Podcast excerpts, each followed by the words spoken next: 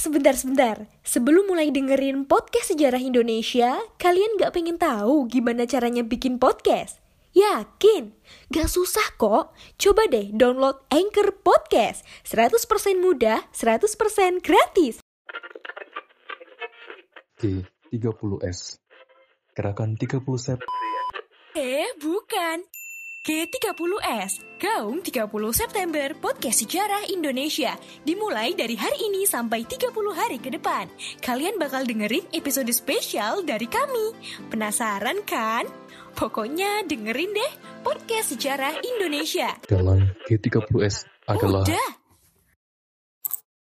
Halo sahabat Poseidon, selamat pagi, siang, petang, malam, kapan pun itu. Bertemu lagi di podcast Sejarah Indonesia bersama saya Rosita Nur Anarti. Kali ini kita mau ngomongin sesuatu hal yang sempat trending nih. Ini adalah sosok raja dari masa lalu yang jadi buah bibir di masa kini. Yuk kita simak. Beberapa saat yang lalu, Ken Arok sempat trending di sosial media Twitter. Dalam catatan para raton disebutkan kalau Ken Arok ini adalah raja pertama dari kerajaan Singasari. Wah, jadi Ken Arok ini sudah hidup di zaman kerajaan Hindu Buddha ya berarti. Tapi apa ya yang menyebabkan Ken Arok dicuitkan banyak orang sampai trending lagi? Jarang-jarang nih tokoh sejarah yang hidupnya udah lama banget jadi trending di sosial media. Ya memang sih Ken Arok itu cukup terkenal karena salah satunya kisah Empu Gandring yang banyak dikenal oleh masyarakat kita. Bisa juga karena komik karya R.A. Kosasih yang dulu sempat terkenal.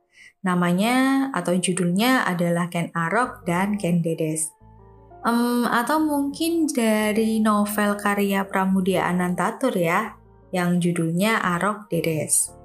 Semua ini membuktikan kalau nama Ken Arok ternyata hidup juga di era kita sekarang ini ya.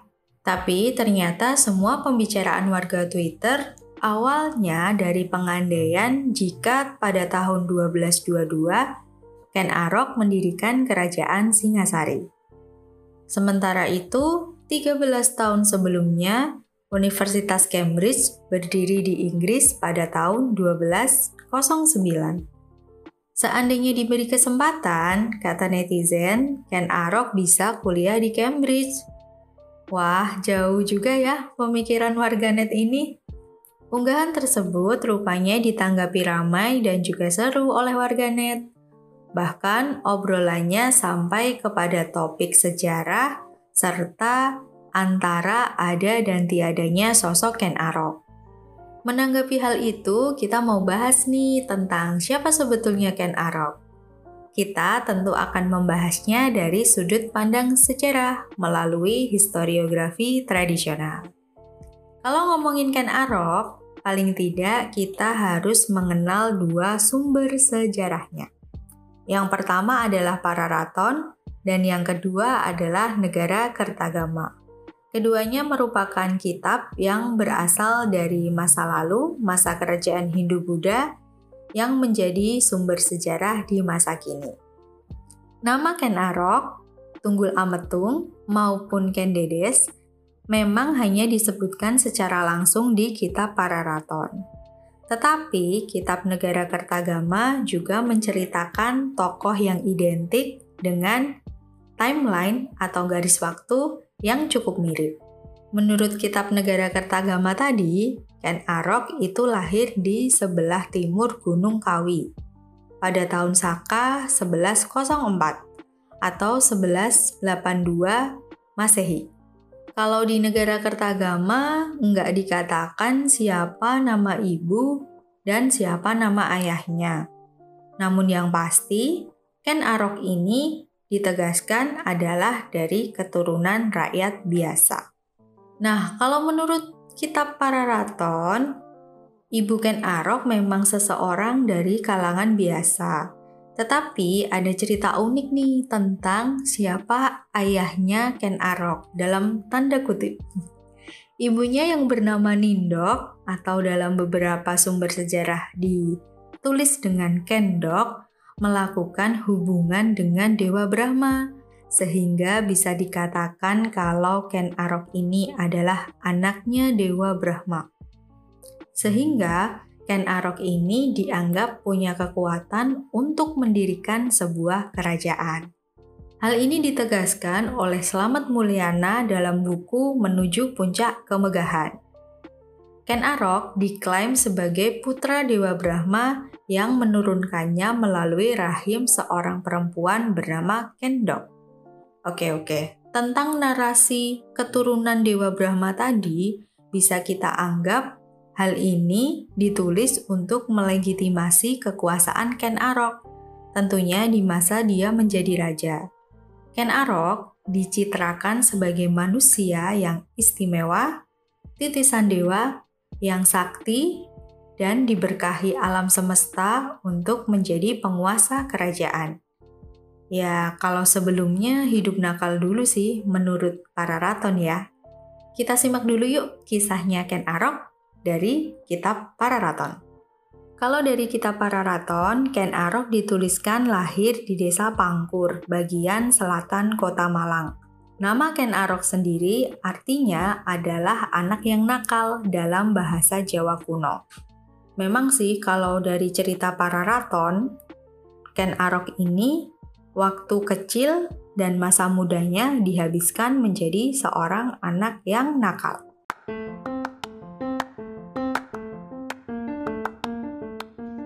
Halo Sobat Poseidon, kalian pasti sudah tidak asing lagi dengan Anchor. Yap, aplikasi penyedia jasa untuk para podcaster pemula dan juga pro. Buat kalian yang pengen mulai nge-podcast, langsung download aja Anchor di App Store ataupun di Play Store. Di sana, kalian bisa nge-podcast dengan banyak banget pilihan background musik. Setelah itu, kalian bisa mempromosikan podcast kalian ke mana pun. Secara otomatis, nanti akan di-sharekan oleh Anchor sendiri. So, tunggu apa lagi? Cus, nge-podcast bareng Anchor. Kalau mengenai tempat lahir Ken Arok, memang tidak ada verifikasi pasti, tapi kemungkinan besar memang lahir di wilayah Malang.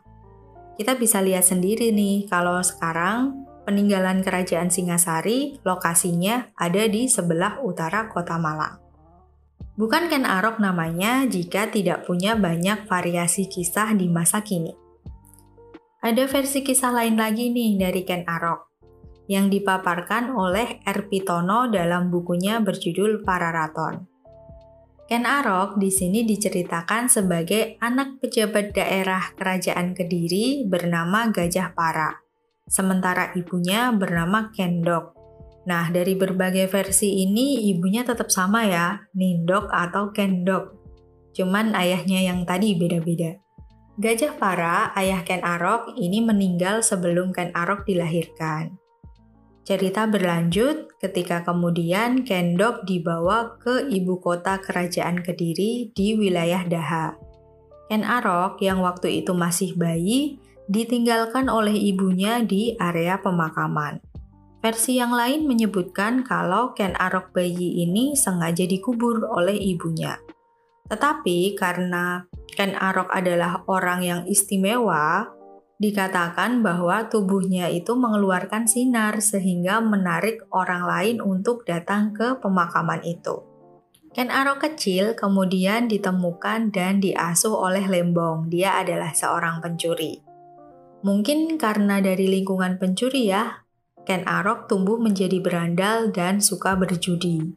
Tapi akhir-akhirnya ayah angkatnya yang pencuri ini juga merasa stres dengan kebiasaan buruk Ken Arok karena Ken Arok hobi berjudi.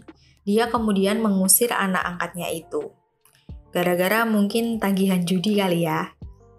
Setelah diusir oleh Lembong, Ken Arok diangkat menjadi anak oleh seorang penjudi. Namanya Genok Buntu. Ia mengangkat Ken Arok sebagai anak dengan alasan Ken Arok dapat membawa keberuntungan baginya ketika berjudi. Oh, jadi Ken Arok bawa hoki kalau judi. Ken Arok kemudian tinggal di rumah genuk buntu itu tadi. Tetapi dia pergi karena tidak betah dan kemudian memutuskan untuk hidup di jalanan. Pada fase inilah Ken Arok menjadi seorang perampok. dia sering beraksi di wilayah kerajaan Kediri. Suatu hari saat berjudi, dia ditemui oleh seseorang yang bernama Loh Gawe. Loh Gawe ini adalah seorang Brahmana. Konon dia itu datang dari India untuk mencari titisan Dewa Wisnu di tanah Jawa. Loh Gawe yakin bahwa titisan Dewa Wisnu itu adalah sosok Ken Arok ini. Kemudian, atas permintaan Brahmana Loh Gawe, Ken Arok diterima sebagai pengawal Tunggul Ametung di Tumapel. Nah, berarti setelah jadi pengawal ini, karirnya sebagai seorang pencuri dan perampok dan penjudi itu sudah habis ya. Dia ganti profesi menjadi pengawal. Tapi kisahnya belum selesai dari sini. Justru kisahnya dimulai di titik ini. Ken Arok setelahnya justru jatuh cinta kepada Ken Dedes istri Tunggul Ametung yang saat itu sedang mengandung anaknya. Karena ingin memiliki Ken Dedes, Ken Arok kemudian membunuh Tunggul Ametung dengan keris buatan Empu Gandring. Nah, inilah yang menjadi kisah terkenal hingga masa kini.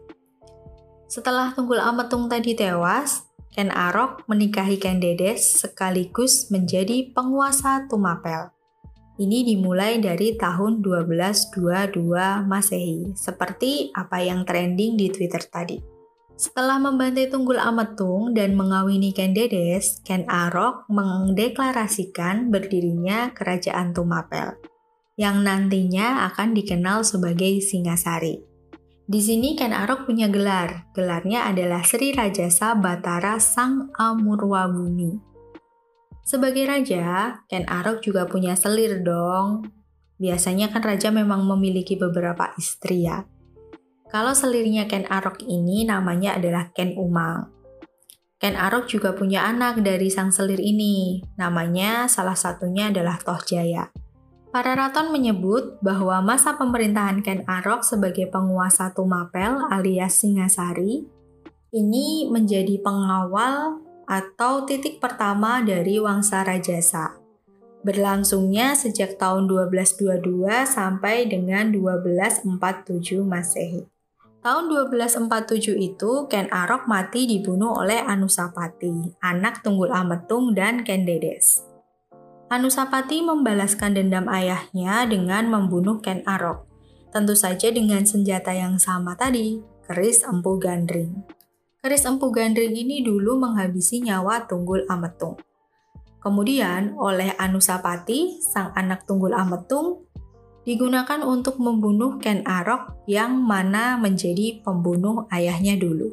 Pusing juga ya kisah tentang keris empu gandring ini. Selanjutnya, Anusapati mengambil alih tahta Singasari setelah Ken Arok meninggal. Tetapi hanya bertahan selama dua tahun saja.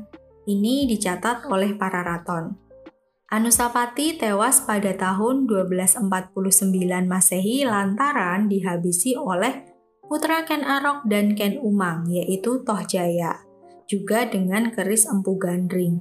Nah, ini sih yang sebetulnya banyak dikenang di masyarakat kita tentang keris empu gandring yang memakan banyak korban.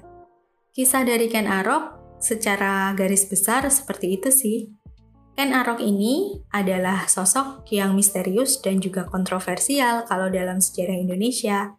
Tetapi apa pun yang terjadi, kita hendaknya bisa mengambil hikmah dari kisah Ken Arok ini. Oke, sampai sini dulu obrolan kita mengenai sosok Ken Arok dan kehidupannya. Tentu menurut para raton dan negara Kertagama. Sampai jumpa di podcast-podcast selanjutnya. Tetap sehat, tetap semangat, tetap jaga prokes di mana pun kamu berada. Mari bersatu untuk hadapi pandemi. Saya Rosita Nur Anarti, undur diri. Selamat kembali beraktivitas. Sampai jumpa. Terima kasih.